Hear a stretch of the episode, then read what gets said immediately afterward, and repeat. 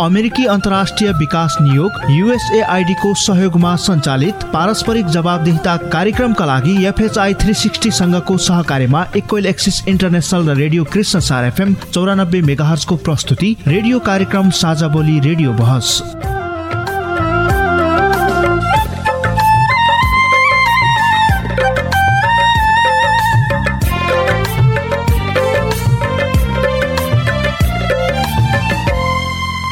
नमस्कार। साझा बोली रेडियो बहसमा तपाईँलाई स्वागत छ। म माया अधिकारी। साझा बोली रेडियो बहसमा हामी नागरिक समाज आम सञ्चार माध्यम र सार्वजनिक निकाय बीचको पारस्परिक जवाबदेता र आपसी दिगो सम्बन्धका विषयमा बहस गर्छौं।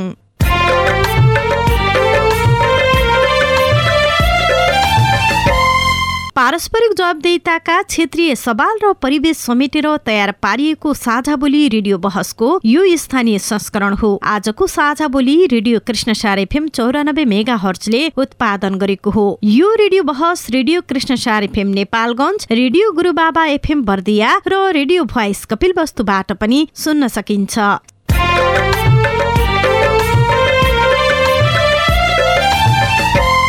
साझा बोली रेडियो बहसको यस सत्रको यो स्थानीय संस्करणको आज एक्काइसौँ भाग हो। झण्डै चार वर्ष अघिदेखि प्रसारण भइरहेको साझा बोली यस वर्ष रेडियो बहसका रूपमा उत्पादन तथा प्रसारण भइरहेको छ।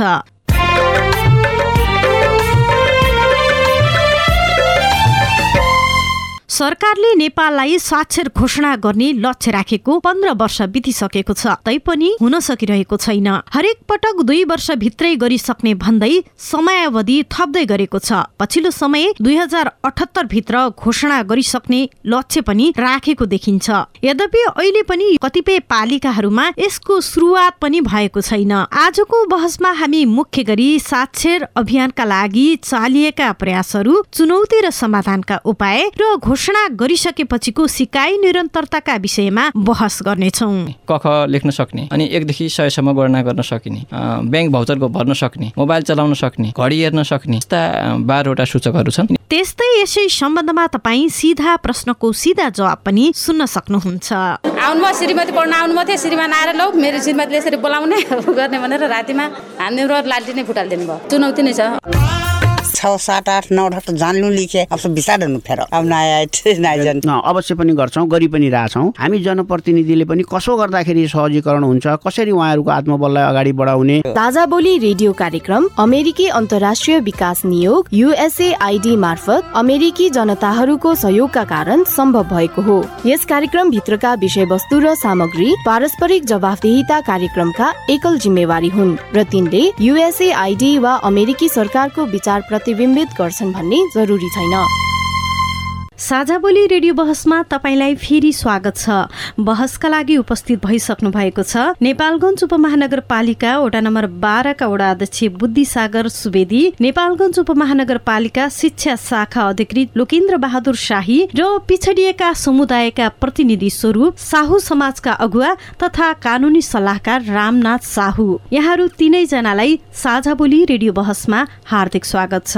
धन्यवाद। सुरुमा हामी साक्षर घोषणा का लागि चालिएका प्रयासहरू सम्बन्धमा कुराकानी गर्छौँ। हामी कपिल वस्तुको एउटा आवाज सुनौ त्यसपछि छलफल गरौँ। हजुर नमस्कार। म चाहिँ हरिहर बेलवासी विजयनगर गाउँपालिका शिक्षा अधिकृत साक्षर घोषणा भएको रहेन त्यसम्म घोषणा नभएको भन्ने बल्ल खबर अब त्यसपछि घोषणाको लागि त तयारी त गर्नै पर्ने त्यो विषयमा मैले छलफल चलाउँछु त्यो विषय विद्यालयबाटै डाटा सङ्कलन गरेर अब वडाबाट पनि केही हदसम्म होला। तर आधिकारिक चाहिँ तपाईँको विद्यालयका शिक्षक साथीहरू कार्यालयमा तपाईँको बाल विकासका सहकर्ताहरू यीबाट डाटा सङ्कलन गरेर अनि कति पर्सेन्ट भएको भन्ने जानकारी त्यहाँबाट लिन सकिन्छ। अब अरू कुरा कुरा त तपाईँको वडा मार्फत केही कुराहरू अब जस्तै तपाईँको भत्ता सत्ता बुझ्ने कुराहरू तिनी कुराहरूमा अब सम्बन्धित व्यक्तिको हस्ताक्षरका कुराहरू होइन? ती कुराहरूबाट पनि केही डाटा सङ्कलन गर्न सकिएला। छ कि यही भन्ने त्यस्तो प्लानिङ अब बसेर बैठक बसेर त्यो प्लानिङ गरेपछि त यो गर्ने भयो यसरी यसरी गर्ने भयो भन्न सकिएला। हामीले आवाज सुन्यौँ कपिल वस्तुको विजयनगर पालिका जस्तै बाँकेको डुडुवा बर्दियाको बडियाताल लगायत विभिन्न पालिकाहरूले यो विषयमा अनभिज्ञ जस्तै देखियो। केही पालिकामा सुरुवात नै गरिएको छैन। नेपालगञ्ज उपमहानगर महानगरपालिकाले पनि अब फागुनभित्र साक्षरता घोषणा गरिसक्ने भनेर भर्खरै सुरुवात गर्दैछ। जबकि नेपाल सरकारले लक्ष्य राखेकोमा हरेक पटक दुई दुई वर्ष थप्दै तेह्र वर्ष बितिसकेको छ। यो अभियान यसरी ढिलो थालिनु यसमा सुरुवात नै नहुनु केही पालिकाहरू अनभिज्ञ नै हुनु यस्तो कारण के हुन सक्छ यसको? म नेपालगञ्ज उपमहानगरपालिकाका शिक्षा शाखा अधिकृत लोकेन्द्र बहादुर शाहीज्यूतर्फ आउँछु। धन्यवाद प्रश्नको लागि। हामीले विगत दुई वर्ष यता यो साक्षरतासँग सम्बन्धित रहेर विभिन्न कार्यक्रमहरू बनाउने र हामीले कार्यक्रम कार्यान्वयनको लागि कोभिड लगायतका विभिन्न समस्याले गर्दा कार्यालय नै चलाउन चाहिँ हामीलाई ठप्प रहनुपर्ने अवस्था हाम्रो आयो र यसले गर्दा हाम्रा कार्यान्वयनले पनि मूर्त रूप पाउन सकेन। कोभिड अगाडि पनि यो पहिलेदेखि पैँसठी सालदेखिको अभियान हो नि त नेपाल सरकारको त। एकदमै। यो चाहिँ साबिकको जिल्ला शिक्षाले पनि प्रयास गरेको देखिन्छ र साक्षर भनेपछि प्रयासहरू भए तर अलिक प्रयासहरू सुस्त सुस्त भए र नतिजा छिटो आउन सकेन। अवश्य पनि अब लुम्बिनी प्रदेशमा बाँकी र कपिल वस्तु नै बाँकी छन् घोषणा हुन। भनेपछि अहिले नेपालगञ्ज अब घोषणा गर्ने भनेर यहाँहरूले सुरु गरिरहनु भएको छ। नेपालगञ्ज उपमहानगरपालिकाले अब साक्षर घोषणाका लागि कार्यक्रमहरू के के गर्दै हुनुहुन्छ?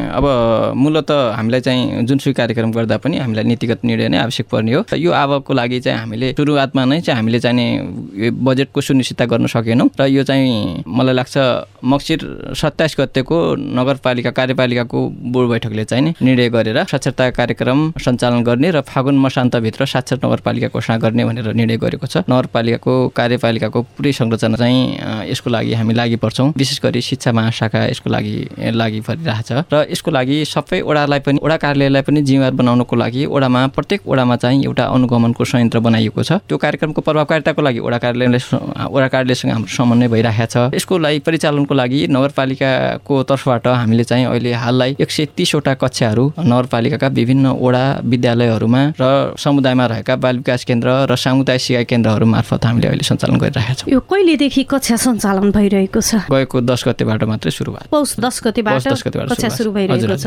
कुन टाइममा भइरहेको छ कक्षा? त हाम्रो साक्षरताको कार्यक्रमको लागि सहभागी हुने जुन निरक्षर हुनुहुन्छ सहभागीले चाहिँ उहाँहरूको समयको अनुकूल हुने गरिकन र हाम्रो साक्षरता सहभागीको लागि परिचालन हुने हाम्रो सहयोगी कार्यकर्ता शिक्षकहरू जो हुनुहुन्छ उहाँहरूको समयलाई मध्यनजर गरेर उहाँहरूको कोर्डिनेसनमा उहाँहरूलाई साँझ बिहान कक्षा चलाउनुहोस् भनेर हामीले भनिरहेको अब म नेपालगञ्ज उपमहानगरपालिकाका वडा नम्बर बाह्रका वडा अध्यक्ष बुद्धि सागर सुवेदीज्यूतर्फ आउँछु। छोटो समय छ होइन? जस्तो वडा नम्बर बाह्रकै कुरा गर्ने हो भने पनि यहाँ पिछडिएका समुदायहरू धेरै छन्। चिडीमार समुदाय लगायत धोबी समुदाय लगायत अन्य पनि जस्तो घसियारन विभिन्न अति विपन्न वर्गहरू बाह्रमा पनि प्रशस्त देख्न पाइन्छ। कति समयमा उहाँहरूलाई साक्षर बनाउन प्रयास गरिएको छ? अब यो कार्यक्रम हामीले साक्षरताको लागि गएको वर्ष पनि यो कार्यक्रम चलेकै हो। कोभिड आउनुभन्दा अगाडिसम्म यसमा राम्रोसँग हामीहरूले चाहिँ गऱ्यौँ। लगभग बिसवटा ग्रुपसम्म पनि हामीले चलायौँ त्यसरी। त्यसरी चलाउँदाखेरि एउटा राम्रो रिजल्ट आएको थियो जसले चाहिँ त्यहाँ कक्षामा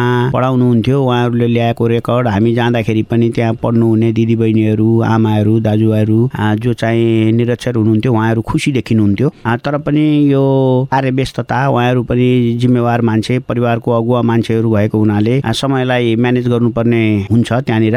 त्यसले गर्दाखेरि समय हामीले मिलाउँथ्यौँ। कहीँ कहीँ त दिउँसो पनि भएको थियो। र अहिले पनि जतिले चाहिँ राम्रोसँग लिइसक्नु भएको छ उहाँहरू खुसी नै हुनुहुन्छ र छुटेको गरेको र अझै क्लासहरू चाहिँ दिनुपर्ने अवस्थामा चाहिँ बोर्डले निर्णय गरिसकेको र काम पनि सुरु भइसकेको अवस्था छ। अहिले चाहिँ हामीले के गरेका छौँ भने त्यही वडामा भएका स्कुलहरूको प्र तथा चाहिँ त्यहाँबाट एकजना शिक्षकलाई पनि अनुगमनमा पठाउने कस्तो भइरहेछ के भइरहेछ कति उपलब्धि भएको छ। त्यसै गरी वडा कार्य समितिका सदस्यहरूलाई पनि त्यसलाई चाहिँ हेर्नुपर्छ भनेर अनुगमनमा राखेर त्यो कार्यक्रमलाई द्रुत रूपमा अगाडि लैएको छ। त्यसलाई प्रभावकारी बनाउनको लागि स्कुलबाट पनि शिक्षकहरूलाई पनि पठाउने भन्ने कुरा पनि भएको छ। त्यसमा चाहिँ अझै राम्रोसँग पढाइरहेका बालबालिकाहरूलाई पढाइरहेका जुन चाहिँ शिक्षक शिक्षिकाहरू हुनुहुन्छ उहाँहरूलाई नै त्यहाँ खटाइएको छ। टोलका चाहिँ पढाइ लेखेकालाई भन्दा पनि उहाँहरूसँग राम्रो ज्ञान हुन्छ र पढाउने तरिकाहरूमा पनि अझै सजिलो होला भन्ने उद्देश्यले त्यसरी लगेका छौँ। मलाई लाग्छ यसरी हामी अबको चाहिँ एक दुई महिनामा यसलाई चाहिँ फलदायी हिसाबले चाहिँ रिजल्ट नेपालगञ्ज उपमहानगरपालिकाले पाउँछ कि भन्ने आशा गरेका छौँ।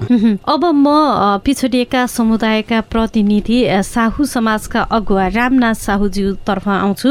पैँतालिस दिनमा नेपालगञ्ज उपमहानगरपालिकाले कक्षा दिएर साक्षर बनाएर घोषणा गर्ने भनेर अभियान थालेको छ होइन? यो पिछडिएका समुदायलाई पैँतालिस दिन पर्याप्त छ? पैँतालिस दिनमा त अब धेरै जसो जुन निरक्षर छन् उनले का खा गादेखि लिएर चाहिँ आदेखि ज्ञासम्म पनि सिक्ने सम्भावना चाहिँ कमै जस्तो देखिन्छ मैले। म अब फेरि नेपालगञ्ज उपमहानगरपालिकाका शिक्षा शाखा अधिकृत लोकेन्द्र बहादुर साईज्यूतर्फ आउँछु। यो के के कुरा भयो भने साक्षर मानिने भनेर हामीले मापदण्ड बनाएका छौँ। हजुर यसको लागि हाम्रो चाहिँ बाह्रवटा सूचकहरू छ। बाह्रवटा सक्षमता पुरा गरेको खण्डमा हामीले चाहिँ साक्षर नागरिक घोषणा गर्न सकिने भन्ने हाम्रो नेपाल सरकारको मापदण्ड छ त्यसैलाई हामीले अप्नाउनुपर्छ हामी यो। सूचकका बारेमा पनि छलफल गरौँला जस्तो अहिले भर्खरै रामनाथ साहुज्यूले भनेको जस्तो। पिछडिएका समुदायहरूमा हुन त निरक्षर भनिसकेपछि जिरो लेभलबाटै सुरु हुन्छ तर पनि उहाँहरूको अब समय उहाँहरूले कति दिन सक्नुहुन्छ यो सबै कुराहरूले म्याटर गर्ने भएको हुनाले उहाँले पनि पर्याप्त छैन भनिरहनु भएको छ। अब हामीले पैँतालिस दिनमा प्रभावकारी बनाउन सकिन्छ त?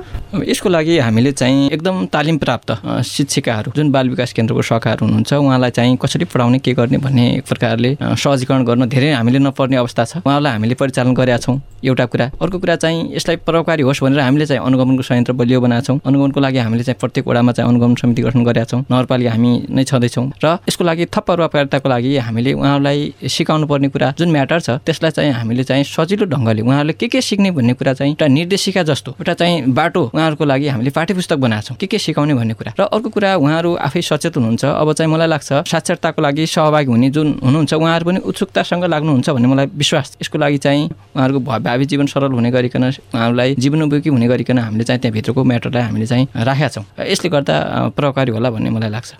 त्यो म्याटरहरू भन्दा पनि उहाँलाई त्यो सिक्ने समय नै हामीले पर्याप्त हुने गरिकन बढाउन नसकिने अवस्था हो। यस्तो छ बाह्रवटा सूचकहरू छ। उहाँहरू आफैमा परिपक्वता छ। अब यो चाहिँ सानो क्लासको जस्तो बच्चाहरूको जस्तो सिकाइमा ढिलो पनि हुँदैन। सूचकहरू भन्नुपर्दा केही कुरा सूचकहरू यहाँले जानकारी गराउन सक्नु एकदमै एकदमै। जस्तो यसको लागि हामीले चाहिँ उहाँहरूले चाहिँ सामान्य आफ्नो परिवारको नामहरू लेख्न सक्ने क ख लेख्न सक्ने जिरोदेखि नौसम्म चाहिँ अङ्क लेख्न सक्ने अनि एकदेखि सयसम्म गणना गर्न सकिने जस्ता लगायतका बाह्रवटा सूचकहरू अनि थप चाहिँ यसमा चाहिँ ब्याङ्क भाउचरको भर्न सक्ने मोबाइल चलाउन सक्ने घडी हेर्न सक्ने होइन? बजारको मूल्य सूची हेर्न सक्ने यस्ता बाह्रवटा सूचकहरू छन्। यिनी सूचकहरूको आधारमा रहेर उहाँहरूलाई चाहिँ हामीले चाहिँ अगाडि बढाउन गइरहेछौँ कार्यक्रम चाहिँ। अब म फेरि साहु समाजका अगुवा तथा कानुनी सल्लाहकार रामनाथ साहुज्यूतर्फ आउँछु। जस्तो उहाँहरूलाई यो पिछडिएका समुदाय भनेपछि सबैको आफ्नै मातृभाषा छ होइन। उहाँहरूलाई भाषाको सहजीकरणको लागि पनि अप्ठ्यारो हुने हो कि के छ अवस्था? उहाँहरूले नेपाली भाषामै मजाले पढ्न सक्नुहुन्छ कि? हामीले नगरको कुरा गऱ्यौँ भने नगरमा चाहिँ नेपाली भाषा बुझ्ने चाहिँ पाँच पर्सेन्ट मात्रै नहुन हुन सक्छन् है। पन्चानब्बे प्रतिशत चाहिँ नेपाली भाषा मजाले बुझ्न सक्छन्। उता हामीले चाहिँ सिकाइतिर राम्रोसँग प्रयास गर्यो भने लेख्न पनि सक्छन्। जस्तै सरले अघि भन्नुभयो चाहिँ हामीले चाहिँ प्रत्येकलाई चाहिँ घरमा गएर वाज गर्छौँ। वाज डाकको भूमिका निर्वाह त्यो हिसाबले यदि निर्वाह गर्यो भने पैँतालिस दिन होइन यदि त्यो हिसाबले प्रयास गर्यो भने चालिस दिनमा पनि सम्भव हुन्छ। तर त्यसमा के गर्नुपर्छ मेन चाहिँ गार्जेनले चाहिँ भूमिका निर्वाह गरिदिनु। गार्जेनले चाहिँ अब जसको घरमा मिसेस जान्छ पढ्न उसको चाहिँ लोग्नेले चाहिँ उसको कार्यमा हेल्प गरिदिनु पर्यो उसको घरमा बच्चा छन् भने उसलाई ल यो मम्मी यस्तो लेख्नुहोस् आमा यस्तो लेख्नुहोस् बजै यस्तो लेख्नुहोस्। त्यो सिकाइदियो भने त्यो हिसाबले सम्भव हुन्छ। नत्र यो पैँतालिस दिन होइन पैँतालिस महिनामा पनि सम्भव हुने सम्भावना छैन। अब म नेपालगञ्ज उपमहानगरपालिकाका बाह्र नम्बर ओडाका ओडा अध्यक्षज्यूतर्फ आउँछु। अहिले भर्खरै रामनाथ साहुज्यूले भनेको जस्तो अलिकति अनुगमनहरू प्रभावकारी रूपमा भयो र वाचडकको रूपमा हेरियो भने फेरि प्रभावकारी हुन सक्छ है भनेर पनि भन्नुभयो। के भन्न चाहनुहुन्छ? यहाँहरूले जुन अब संयन्त्र त बनाउनु भएको छ हामी यसरी गर्ने भनेर होइन यो प्रभावकारी रूपमै गर्न सक्ने यहाँहरूले प्रतिबद्धता गर्न सक्नुहुन्छ? अवश्य पनि। किनभने यो स्थानीय सरकार भनेको साँच्चै नै भन्ने हो भने तिनै जनताको घर दैलोमा रहने सरकार हो। हामी चाहिँ चौबिसै घन्टा त्यहीँ हुन्छौँ। त्यो जहाँ कार्यक्रम चलाइएको छ जुन समुदायमा चाहिँ हामीले चाहिँ साक्षरताको लागि कार्यक्रम चलाएका छौँ त्यहाँ पढाइ भइरहेको छ त्यो ठाउँमा चाहिँ हामी आ, ओडाका समिति ओडा समितिका सदस्यहरू पनि गएर कसरी चलिरहेछ के चलिरहेछ र चाहिँ त्यहाँ चाहिँ गएर तिनै विद्यार्थीहरू जसले चाहिँ शिक्षा लिइरहनु भएको छ। उहाँहरूसँग पनि सोध्ने ल बुझ्नु भएको छ कस्तो छ अप्ठ्यारो छ कि? हामीले केही अरू सहजीकरण गर्नु पर्यो कि? भनेर उहाँहरूको आत्मबल बढाउने कामहरू हामीले गरिरहेका हुन्छौँ। ठिक छ प्रत्येक दिन नभए पनि हप्तामा एक दुईचोटि गएर हामीले सोध्छौँ भने त्यहाँ चाहिँ जो ट्रेन शिक्षिकाहरू हुनुहुन्छ जसले पढाउनुहुन्छ उहाँलाई त्यही अनुसारको इन्स्ट्रक्सन गरेका छौँ। लक्ष्य यो छ र हजुरहरूलाई दिएको जिम्मेवारी राम्रोसँग गरिदिनु होला किनभने हामीले पाउन खोजेको रिजल्ट आओस् है पढायो भन्ने मात्रै भएन। यो वर्षभरि पढाउने चिज पनि होइन र उहाँहरूलाई चाहिँ त्यो उद्देश्यका साथ यहाँ ल्याइएको पनि होइन। जे छ त्यहाँको चाहिँ मिनिमम त्यो गर्नै पर्ने सिक्नै पर्ने त्यो कुरामा चाहिँ रहेर त्यसमा चाहिँ उहाँहरूलाई चाहिँ अगाडि बढाइदिनु पर्यो भन्ने कुरामा हामीहरू हुन्छौँ। त्यो चाहिँ हामीले चाहिँ त्यहाँ चाहिँ जाने अनुगमन गर्ने काम चाहिँ भइरहेको हुन्छ लगातार रूपमै।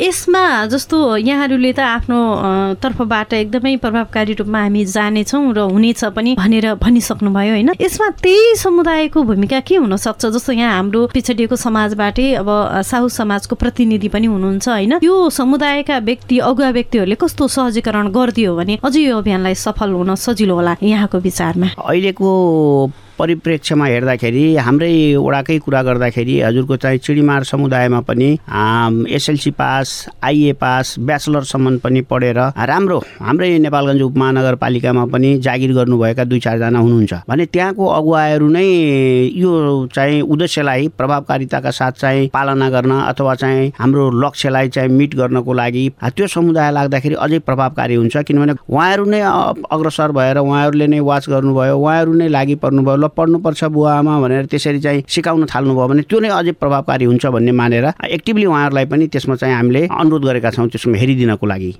यही सवाललाई उहाँको अनुरोधलाई लिएर नै म रामनाथ साहुज्यूतर्फ आउँछु। यहाँहरूले अब यो भूमिका खेल्न सक्नुहुन्छ आफ्नो समुदायहरूमा। यहाँ त जिल्ला लेभलकै एउटा साहु समाजको अगुवा पनि हुनुहुन्छ। धन्यवाद। मैले त आफ्नो लेभलले चाहिँ एक वर्ष अगाडिदेखि यो भूमिका चाहिँ निर्वाह गरेकै छु। प्रत्येककै चाहिँ आफ्नै पनि त मैले सुरुमा आफ्नै समाजबाट सुरुवात गरेको हो प्रत्येक टोलमा गएर चाहिँ कतिजना हाम्रो तेली समुदायका छन् साहु समाजका जनगणना लिने कार्यक्रम पनि सञ्चालन गऱ्यौँ। कतिजना साक्षर छन् कतिजना निरक्षर छन्। यदि तपाईँसँग पैसा छैन पढ्न चाहिँ सक्नुहुन्न भने तपाईँले कतैबाट सहयोग पाउनुहुन्न भने हाम्रो समाजमा आउनुहोस्। इन्भल्भ हुनुहोस्। हामीलाई यो चाहियो भनेर हामी पनि उनको घरमा गएर पनि जानकारी गराएका छौँ। तर तै पनि यहाँले विगतमा गर्नुभयो होइन? अब हामी एउटा नेपालगञ्ज उपमहानगरलाई साक्षर बनाउने अभियानमा छौँ। भनेपछि यहाँ एउटा जिल्ला लेभलको व्यक्तित्व हुनुहुन्छ यो समाजका लागि। भनेपछि यहाँको दायित्व पनि छ। अब अब प्रभावकारी रूपमा यो रिजल्ट ल्याउनका लागि आगामी दिनमा के गर्नुहुन्छ त? आगामी दिनमा अब आफ्नो समुदायमा र अन्य पिछडेका वर्गहरूलाई चाहिँ प्रत्येक घरका गार्जेनलाई चाहिँ भन्नु अनुरोध गर्नुपर्छ कि प्रत्येक चाहिँ जो निरक्षर छ त्यसलाई साक्षरको लागि यदि बाल विकास चलेको छ भने त्यहाँ स्कुल चलेको छ भने त्यहाँ यदि फुर्सद छ भने आफ्नो बाबु बच्चाहरूसँग बस्नुहोस् काखा या एक दुई लेख्ने पढ्ने चाहिँ सिक्नुहोस् भनेर चाहिँ जानकारी गराउनेतिर चाहिँ कोसिस गर्छ। जो हाम्रो समुदायमा अगुवा छन् र अन्य पिछडेका वर्गहरू छन् जस्तै यो वडा नम्बर बाह्र भयो यो नेपालीगञ्ज उपमहानगरपालिका विभिन्न वडाका जति एक नम्बरदेखि लिएर चाहिँ हामीले तेइस नम्बरसम्म चाहिँ अगुवा व्यक्तिहरूलाई जानकारी गराउनेतिर कोसिस गर्छु। र बढी चाहिँ वडा तेइसमा चाहिँ अशिक्षित चाहिँ निरीक्षण रहेको चाहिँ मैले जानकारी अहिलेसम्म पाएको छु। तपाईँ अहिले पारस्परिक जवाबदेता परिवर्तनका लागि साझा बोली रेडियो बहस सुन्दै हुनुहुन्छ। हामी छलफल गरिरहेका छौँ। साक्षरता अभियानका लागि चालिएका प्रयासहरू चुनौती र समाधानका उपाय सम्बन्धमा। भर्खरै हामीले साक्षरता अभियानका लागि चालिएका प्रयासहरू सम्बन्धमा छलफल गर्यौं अहिलेसम्मको छलफलबाट नेपालगञ्ज उपमहानगरपालिका कार्यपालिका सदस्य तथा वडा नम्बर बाह्रका अध्यक्ष बुद्धिसागर सुवेदीज्यूले साक्षरता कक्षा राम्रोसँग सञ्चालन भए नभएको सुनिश्चितताको लागि निरन्तर अनुगमन गर्ने प्रतिबद्धता व्यक्त गर्नु भएको छ। यसै गरी साहु समाजका अगुवा रामनाथ साहुले पिछडिएका समुदायका अगुवालाई साक्षर कक्षामा सहभागी गराउन अनुरोध गर्ने र बेला बेलामा निगरानी गर्ने प्रतिबद्धता व्यक्त गर्नु भएको छ। अझै हामी साक्षरता अभियानका चुनौती र समाधानका उपाय सम्बन्धमा छलफल गर्नेछौ। तपाईँ साझा बोली रेडियो बहस सुन्दै गर्नुहोला।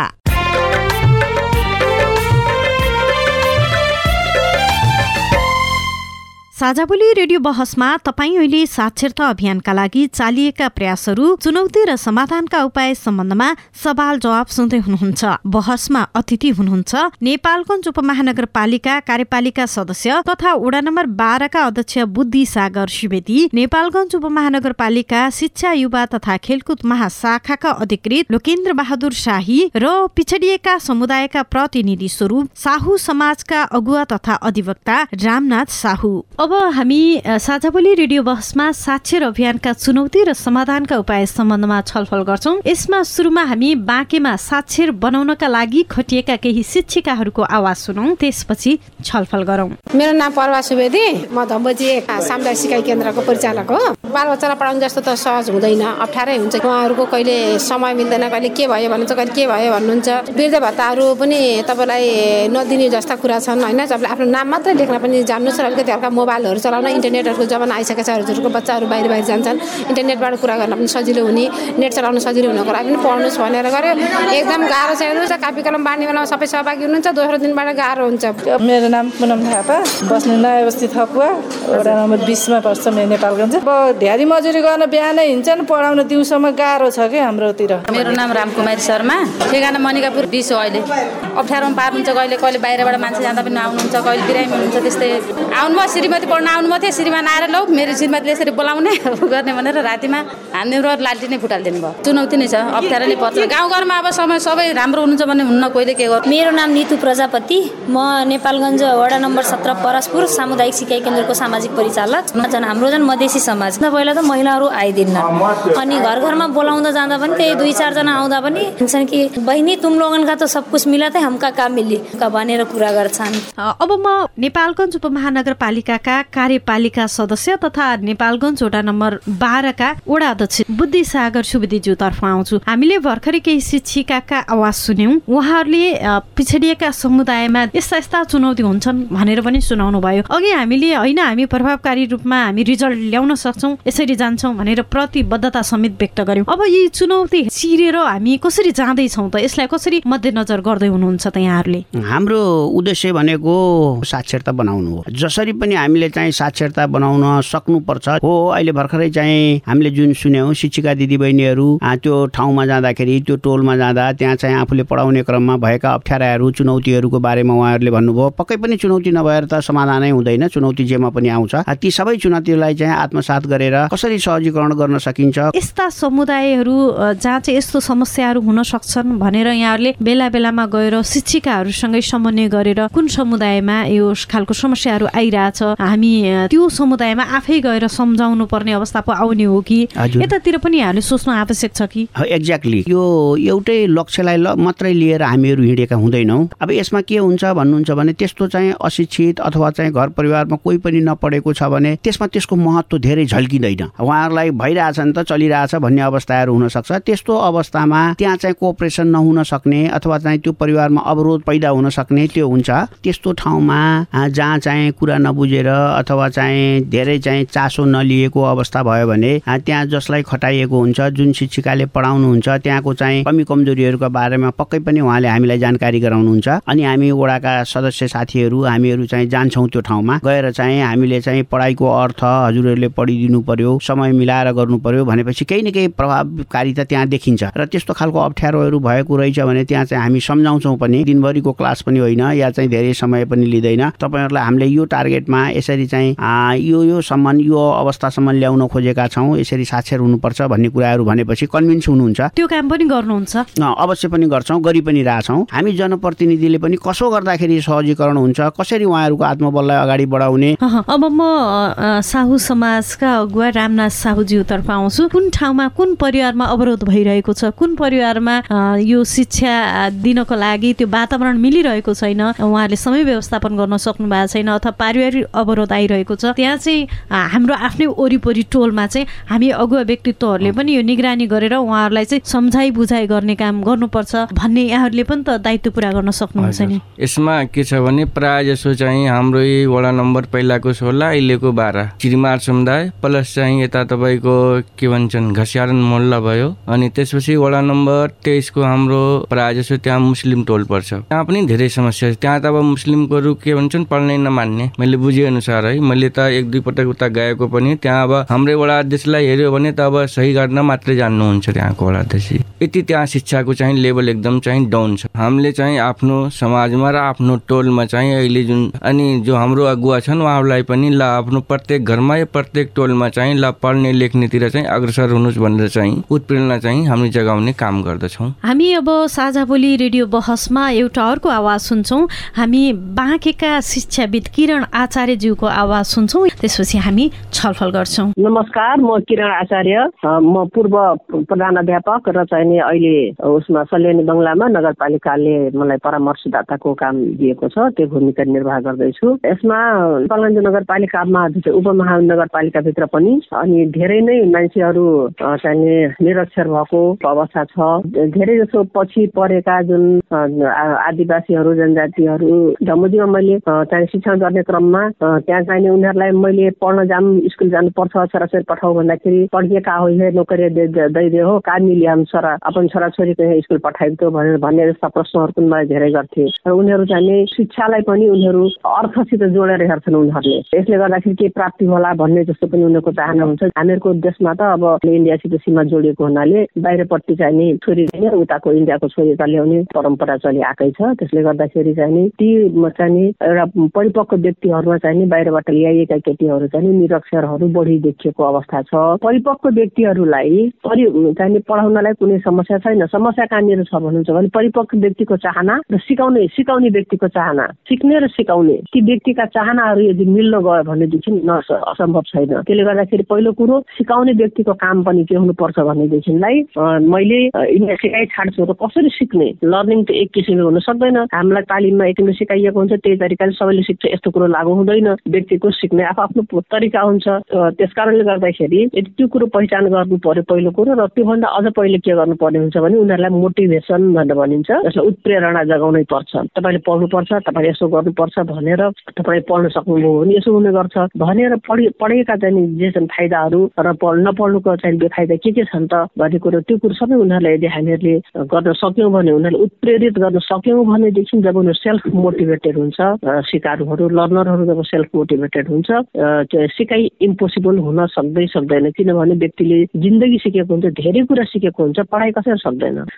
हामीले शिक्षाविद किरण आचार्यज्यूको आवाज सुन्यौँ। उहाँले महत्त्वपूर्ण कुरा गर्नुभएको छ महत्त्वपूर्ण सुझाव दिनुभएको छ। हामीले यति अभियान गर्दै गर्दाखेरि सिकाउनेको चाहना र सिक्नेको चाहना मिलेन भने पनि त्यहाँ ग्याप भयो भने पनि हामी सफल हुन सक्दैनौँ र फेरि कागजी रूपमा मात्रै सफल हुने सम्भावना फेरि बढी। म नेपालगञ्ज उपमहानगरपालिकाका शिक्षा युवा तथा खेलकुद महाशाखाका शाखा अधिकृत लोकेन्द्र बहादुर शाहीज्यूतर्फ आउँछु। यो सिकाउनेलाई अनि सिक्नेलाई हामीले मोटिभेट गरिरहेका छौँ त। अवश्य पनि राम्रो विषय उठान गर्नुभएको छ। सिक्नको लागि दुईतर्फको सर्वपक्षको यसमा चाहिँ मिलन हुनु अवश्य पनि आवश्यक छ। सर्वपक्षको लक्ष्य एउटै हुनुपर्छ। अब चाहिँ नि मुख्य लक्ष्य चाहिँ हाम्रो साक्षर नागरिक बनाउने हो। यसको लागि हामीले चाहिँ हाम्रा संयन्त्रहरू बनाएका छौँ। ती हाम्रा संयन्त्रलाई प्रभावकारी रूपमा परिचालन गरेपछि पक्कै पनि त्यो चाहिँ। हामीले हामीले के संयन्त्र बनाएका छौँ जसले गर्दाखेरि सिकाउने र सिक्नेहरू यहाँ उत्प्रेरित भएर यो अभियानलाई सफल बनाउँछन् त? यसमा प्रथम त हामीले चाहिँ यो शिक्षणको लागि तालिम प्राप्त एन्डागोजी भन्छ यो प्रौढ शिक्षा पढाउने चाहिँ यो चाहिँ शिक्षण विधि। एन्डागोजीसँग सम्बन्धित ज्ञान भएका हाम्रा शिक्षकहरू परिचालन गरेका छौँ। उहाँहरू उहाँहरूको एउटा चाहिने अनुभव छ। उहाँहरूले त्यो अनुभवलाई पनि प्रयोग गर्नुहुन्छ। र अर्को कुरा हामीले चाहिँ विद्यालयमा सबै विद्यालयसँग समन्वय निर्देशन गरेर प्रत्येक विद्यार्थीले आफ्ना अभिभावक निरक्षर अभिभावक भएको खण्डमा उहाँहरूले चाहिँ इच वान टिच वानको मेथड माटोबाट चाहिँ पढाउने र उहाँहरू जिम्मेवार हुने र अर्को कुरा चाहिँ उहाँहरूले चाहिँ आफ्नो समुदाय टोल समुदायमा भएका अभिभावकहरूलाई सुझाइ बुझाइ गर्ने गरिकन हामीले चाहिँ युवाहरूमा पनि त्यो प्रकारको एउटा चाहिँ त्यो स्वयंसेवी भावनाले अगाडि बढ्ने एउटा चाहिँ त्यो चाहिँ समन्वय गरिराखेका छौँ। र अर्को कुरा चाहिँ अब हाम्रो प्रत्येक वडामा चाहिँ अनुगमन समिति गठन भएको छ अनुगमन समितिले गर्छ र अर्को कुरा हाम्रो नगरपालिका स्वयंले गर्छ। र हामीले नेपालगञ्ज उपमहानगरपालिकामा रहेका अब तल्लो तहदेखि माथिसम्म रहेका विभिन्न समितिहरू जस्तो किशोरी सञ्जाल छ होइन? अनि युवा क्लब छ अनि चाहिँ विभिन्न स्वयंसेवी सङ्घ संस्थाहरू छन् अनि विभिन्न उद्योग व्यवसायहरू हुनुहुन्छ। उहाँहरू सबैसँग कोअर्डिनेसन गरेर कोअर्डिनेसन हामीले गरिरहेका छौँ। सञ्चार माध्यमहरू पनि हुनुहुन्छ। यहाँहरू सबैको साथ सपोर्टले चाहिँ उहाँहरूलाई चाहिँ जतिसक्दो उहाँहरूलाई सुझाइ बुझाइ गर्ने उहाँहरूको सोच व्यवहारलाई पनि सँगसँगै परिवर्तन गर्ने सिक्नुपर्छ भन्ने उहाँहरूलाई प्रतिबद्ध पनि सँगै गराउने र उहाँहरूलाई सिकाउने हाम्रो चाहिँ यो हाम्रो कार्यक्रम रहिरहेको छ। भनेपछि यहाँहरूले तालिम प्राप्त शिक्षक भएका कारणले गर्दा उहाँहरूलाई चाहिँ थप मोटिभेटेड गराउन आवश्यक छैन। उहाँहरू आफै अनुभव प्राप्त हुनुहुन्छ उहाँ गर्न सक्नुहुन्छ। तर समुदायका व्यक्तित्वहरूलाई यो विभिन्न च्यानलबाट उनीहरूका छोराछोरी लगायत विभिन्न स्थानीय तहमा रहेका सञ्जालहरू मार्फत यहाँले मोटिभेट गराइरहेका भन्ने कुरा गर्नुभयो। होइन यसमा चाहिँ नि अब हामीले शिक्षकहरूको खण्डमा चाहिँ नि शिक्षकहरूको हकमा हामीले उहाँहरूलाई ओरिएन्टेसन पनि गराएको छौँ यसमा होइन? यो कार्यक्रमको लागि कसरी जाने भन्ने कुराले एक प्रकारले हामीले ओरिएन्टेसन पनि गराएको छौँ र हामीले बिचमा पनि यसमा समीक्षा गर्छौँ हामीले। बिचमा चाहिँ यो कहाँ पुग्यो? हामी यो दुई महिनाको अवधिमा कति पटक समीक्षा गर्छौँ? उहाँहरूसँग कति पटक हामी ओरिएन्टेसन फेरि उहाँहरूको फिडब्याकहरू लिन्छौँ? एकदमै। हामी बिचमा चाहिँ उहाँहरूलाई बोलाउँछौँ। बिचमा बोलाउँछौँ। बिचको समयमा हामीले चाहिँ समय तय हुँदैछ हाम्रो चाहिँ। समय चाहिँ हामीले चाहिँ एकपटक मात्रै बस्छौँ? एकपटक दुई पटक हामीले आवश्यकता के हुन्छ त हाम्रो? मध्यावधिक मूल्याङ्कन हाम्रो हुन्छ। तर चाहिने यसको लागि एकपटक मात्र नभएर कहाँनिर चुनौती आइपर्छ? कहाँनिर ग्याप आइपर्छ? त्यो ग्याप हामी पत्ता लगाउने त्यसको समाधानको बाटो पनि खोज्दै जाने अगाडि अह, म अब वडा नम्बर बाह्रका वडा अध्यक्षज्यू तथा नेपालगञ्ज उपमहानगरपालिकाका कार्यपालिका सदस्यज्यूतर्फ आउँछु। यो मोटिभेट भन्ने कुरा एकदमै उहाँहरूलाई प्रेरित गर्ने कुरा एकदमै महत्त्वपूर्ण कुरा भएको अहिले भर्खरै शिक्षाविदले जसरी सुझाव दिनुभयो यो पक्कै पनि महत्त्वपूर्ण कुरा छ। होइन हामी यति प्रयास गर्दा गर्दै पनि फेरि सिक्नेले र सिकाउनेले ग्याप गरिदिनु भयो भने सर्वप्रथम त सिक्नेले नै त्यो खालको चाहना जबरजस्ती भइदिनु भयो भने फेरि हामीले जति प्रयास गरे पनि त्यो सफल हुन नसक्ला कागजमै होला। फेरि पनि भन्न बाध्य हौँला हामी होइन? यो दुई महिनाको अवधिमा एकपटक अब सुरुवाती चरणमै छौँ हामी होइन? उत्प्रेरणा जगाउने अथवा उहाँलाई प्रेरित गर्ने कुरा निकै नै महत्त्वपूर्ण भएका हुनाले यो कुरामा पनि ओडाका तर्फबाट के हुन्छ? होइन उडाको तर्फबाट के हुन्छ भने हामी त ल ठिक छ हजुरहरूलाई कस्तो लागिरहेछ पढाइ बुझ्नु भएको छ छैन हामीले केही सहजीकरण गर्नु पर्यो कि दिदीबहिनीहरू केही समस्या छ भने भन्नुहोस् भनेर किनभने हामी त सधैँ टचमा आउँछौँ। त्यहाँका आफ्ना आफ्ना ओडाका चाहिँ जनप्रतिनिधिहरू त्यहाँको जनतासँग उहाँहरू टचमा आइरहेको अवस्था हुन्छ। चाहिँ जस्तो बिचबिचमा अनुगमन गर्ने कुरा त छँदैछ होइन? जस्तो जो सुरुवात नै गर्न जानुहुन्न होइन? सुरुवातै गर्न जानु भएको छैन। उहाँहरूलाई चाहिँ पढ्नुपर्छ जान्नुपर्छ भनेर उहाँहरूलाई प्रेरित गर्ने खालका कामहरू चाहिँ हामी के गर्दैछौँ त? हामी अहिले सुरुवातमै छौँ। अब हजुरको चाहिँ जो चाहिँ साँच्चै नै इच्छै नगरेको त्यस्तो परिवारका सदस्यहरू हुनुहुन्छ र चाहिँ गएर चाहिँ भन्दा पनि उहाँहरूलाई पढ्नमा त्यति इच्छा नभएर आउनु भएन भने त्यस्तो कुराहरूको लागि हामीले पहिल्यै नै हामीले चाहिँ जसलाई त्यहाँ त्यहाँ त्यो कम त्यो समुदायमा पढाउनको लागि खटाइएका शिक्षिकाहरू हुनुहुन्छ उहाँहरूलाई प्रत्येक घरमा गएर कोही निरक्षर हुनुहुन्छ पढ्नु भएको छैन भने हामी यसरी आइरहेछौँ भनेर त्यहाँ पहिला गएर इन्फर्मेसन दिने सबैमा र नाम टिपेर लिएर आउने र चाहिँ उहाँहरूलाई फेरि पटक पटक गएर भनेर उहाँहरू क्लासमा आएकै हुनु पर्यो। यदि आउनु भएन भने उहाँहरूले हामीलाई खबर गर्नुहुन्छ हामी चाहिँ ओडाका सदस्यहरू हामी ओडा अध्यक्ष लगायतको हाम्रो टिमलाई खबर गर्नुहुन्छ। यसरी चाहिँ भन्दा पनि त्यो घरबाट उहाँ निरक्षर हुनुहुन्छ तर पनि पढ्नमा आउनुहोस् भन्दा आउनुभएको छैन भनेपछि हामी गएर पनि मोटिभेसन गर्छौँ। किन कसरी के समस्या पर्यो तपाईँलाई चाहिँ भोलि गएर चाहिँ ओडाले दिने सुविधाहरूका कुरा छन् हामी गरौँला हामीले चाहिँ दिनुपर्ने सहयोगहरू दिन्छौँ तपाईँलाई पहिलो प्रायोरिटीमा राख्छौँ। हामीले के गर्दाखेरि उहाँहरूले चाहिँ के चाहनु भएको छ त? या जनप्रतिनिधिबाट पनि उहाँले केही आशा गर्नुभएको छ कि या चाहिँ उहाँलाई साँच्चै नै समस्या भएर केही गरिदिँदाखेरि चाहिँ दिगो रूपमा उहाँको विकास हुने अवस्था छ कि ती कुराहरूको पनि हामीलाई जानकारी हुन्छ। त्यसको लागि सबैभन्दा सजिलो उपाय भनेको जसलाई हामीले त्यहाँ नियुक्त गरेका छौँ पढाउनको लागि उहाँले त्यो कम्युनिटीमा त्यो टोलमा त्यहाँ भएका सबैलाई सोधेर जो पढेको छैन जसले केही पनि गर्न आउँदैन उहाँहरूलाई ल्याउनको लागि हामीले खटाएका छौँ। यदि भएन भने हामी ओडा स्वयमै जान्छौँ र उहाँका समस्याहरूलाई बुझेर गरेर पढाइप्रति चाहिँ हामीले जसरी पनि उहाँहरूलाई चाहिँ ल्याउने हाम्रो प्रतिबद्धता छ ल्याएर चाहिँ जसरी पनि उहाँहरूलाई चाहिँ त्यसमा इच्छा शक्ति बढाएर पढाउने त्यो चाहिँ हाम्रो चाहिँ उद्देश्य हो। तपाईँ अहिले पारस्परिक जवाबदेता प्रवर्तनका लागि साझा भोलि रेडियो बहस सुन्दै हुनुहुन्छ। भर्खरै हामीले साक्षरता अभियानका चुनौती र समाधानका उपाय सम्बन्धमा छलफल गर्यौं यतिन्जेल हामीले गरेको छलफलबाट नेपालगञ्ज वडा नम्बर बाह्रका वडा अध्यक्ष बुद्धि सागर सुवेदीज्यूले पढ्नै सुरु गर्न नखोज्नेलाई जसरी पनि इच्छा शक्ति बढाएर सहभागी गराउने तथा साक्षरता कक्षामा अवरोध ल्याउने व्यक्ति वा समुदाय पहिचान गरी स्थानीयलाई सम्झाइ बुझाइ गर्न ओडा तथा पालिका प्रतिनिधि स्वयं उपस्थित हुने प्रतिबद्धता जनाउनु भएको छ। अझै हामी यो अभियान गर्दा गर्दै तथा साक्षर घोषणा गरिसकेपछिका पनि चुनौती र समाधानका उपाय सम्बन्धमा घनीभूत छलफल गर्नेछौ। तपाईँ साझा भोलि रेडियो बहस सुन्दै गर्नुहोला।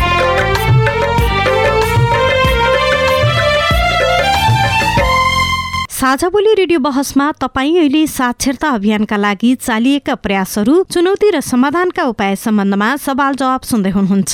बहसमा अतिथि हुनुहुन्छ नेपालगञ्ज उपमहानगरपालिका कार्यपालिका सदस्य तथा वडा नम्बर बाह्रका अध्यक्ष बुद्धि सागर सुवेदी नेपालगञ्ज उपमहानगरपालिका शिक्षा युवा तथा खेलकुद महाशाखाका अधिकृत लोकेन्द्र बहादुर शाही र साहु समाजका अगुवा तथा अधिवक्ता रामनाथ साहु।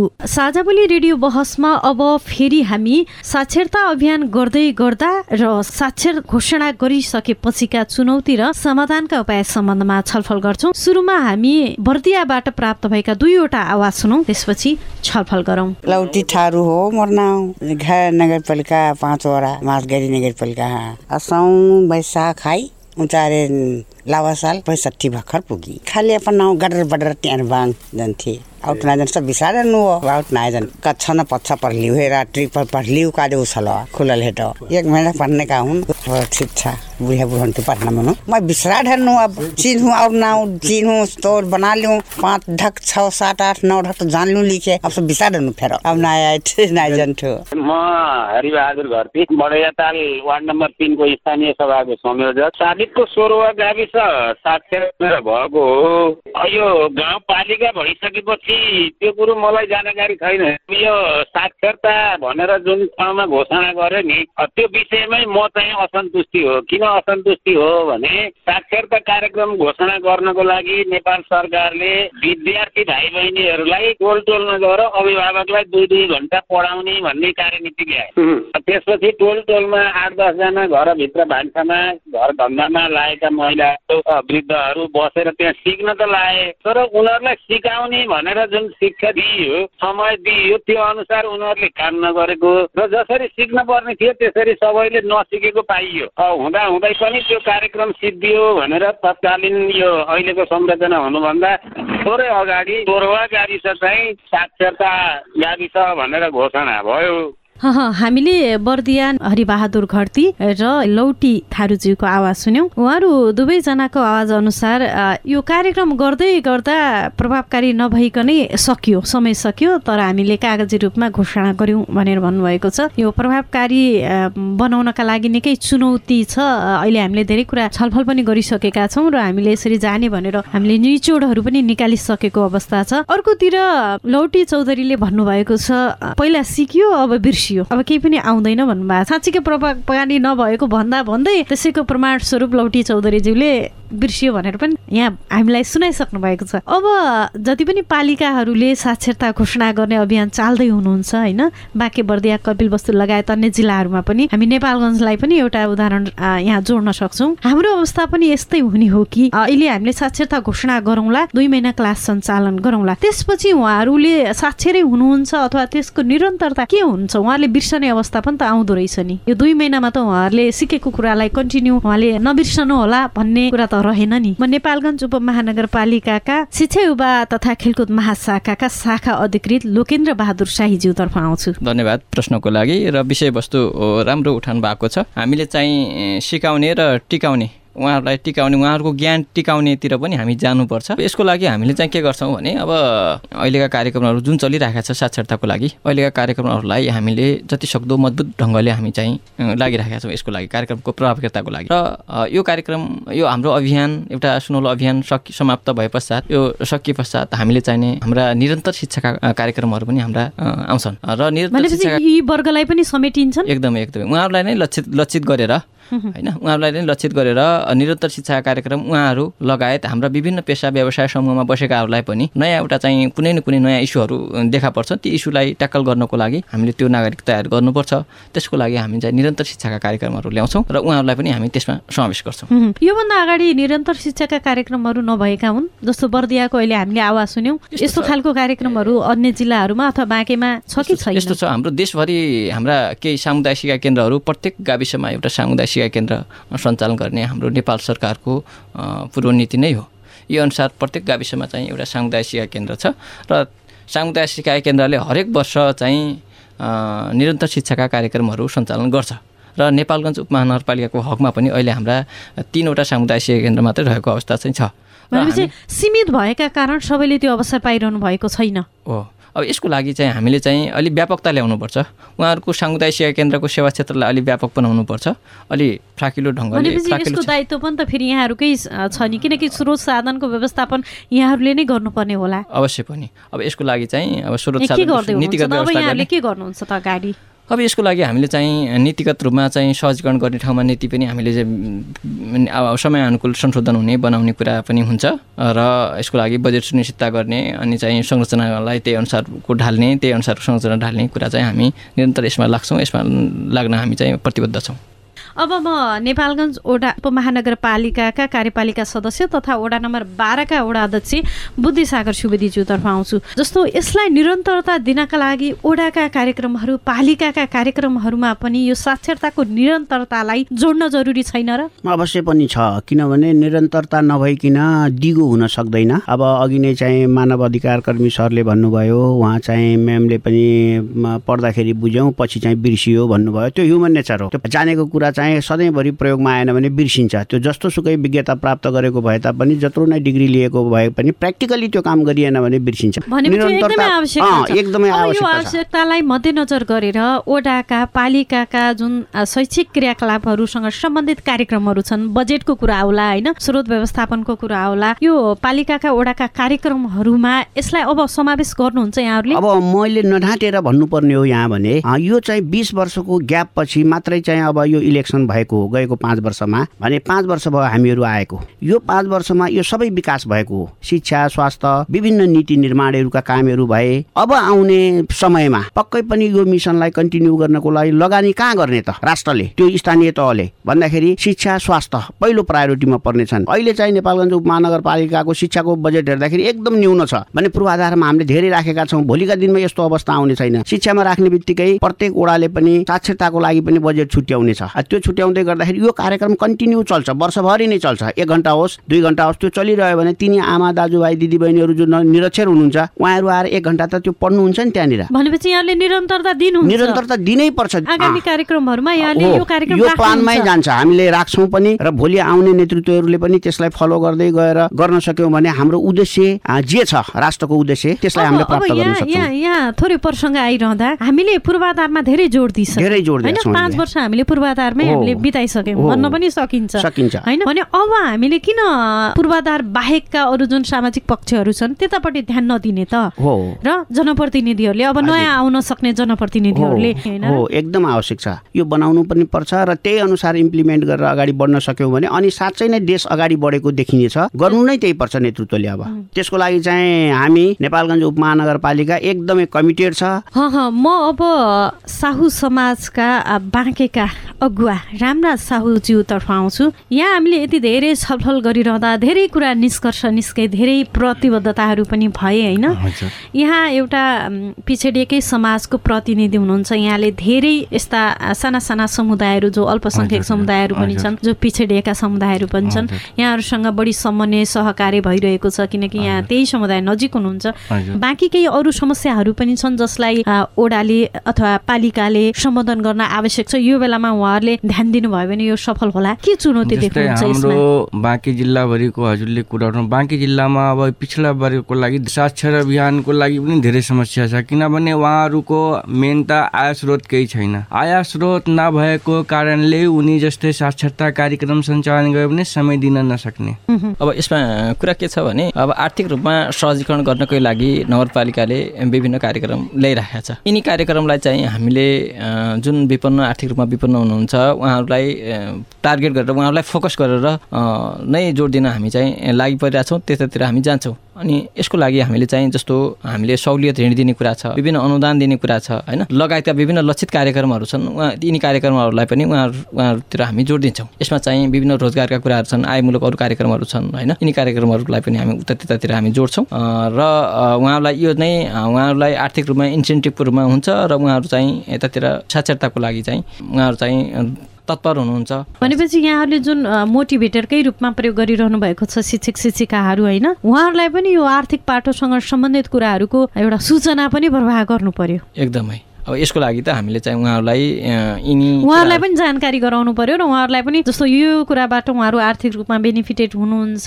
भनेर यहाँहरूले अब जस्तो कतिपय अवस्थामा सूचना नपाएका वर्गहरू पनि छन् होइन? यो सूचनाका पहुँचबाट टाढा रहेका के यस्तै पिछडिएकै वर्ग छन् फेरि। यसको लागि त हामीले चाहिने अब हाम्रा शिक्षकहरूलाई परिचालन गरेका छौँ। उहाँहरूले पनि यो मेसेज चाहिँ उहाँहरूलाई दिनुहुन्छ र आर्थिक रूपमा कसरी किन प्रोत्साहन हुन सक्नुहुन्छ उहाँहरू त्यो कुरालाई पनि हामी त्यहाँ जोडेका छौँ। साझा बोली रेडियो बहसमा यति महत्त्वपूर्ण कुराकानी अनि महत्त्वपूर्ण छलफल र प्रतिबद्धताका लागि यहाँहरू तिनैजनालाई धेरै धेरै धन्यवाद। धन्यवाद यहाँहरूलाई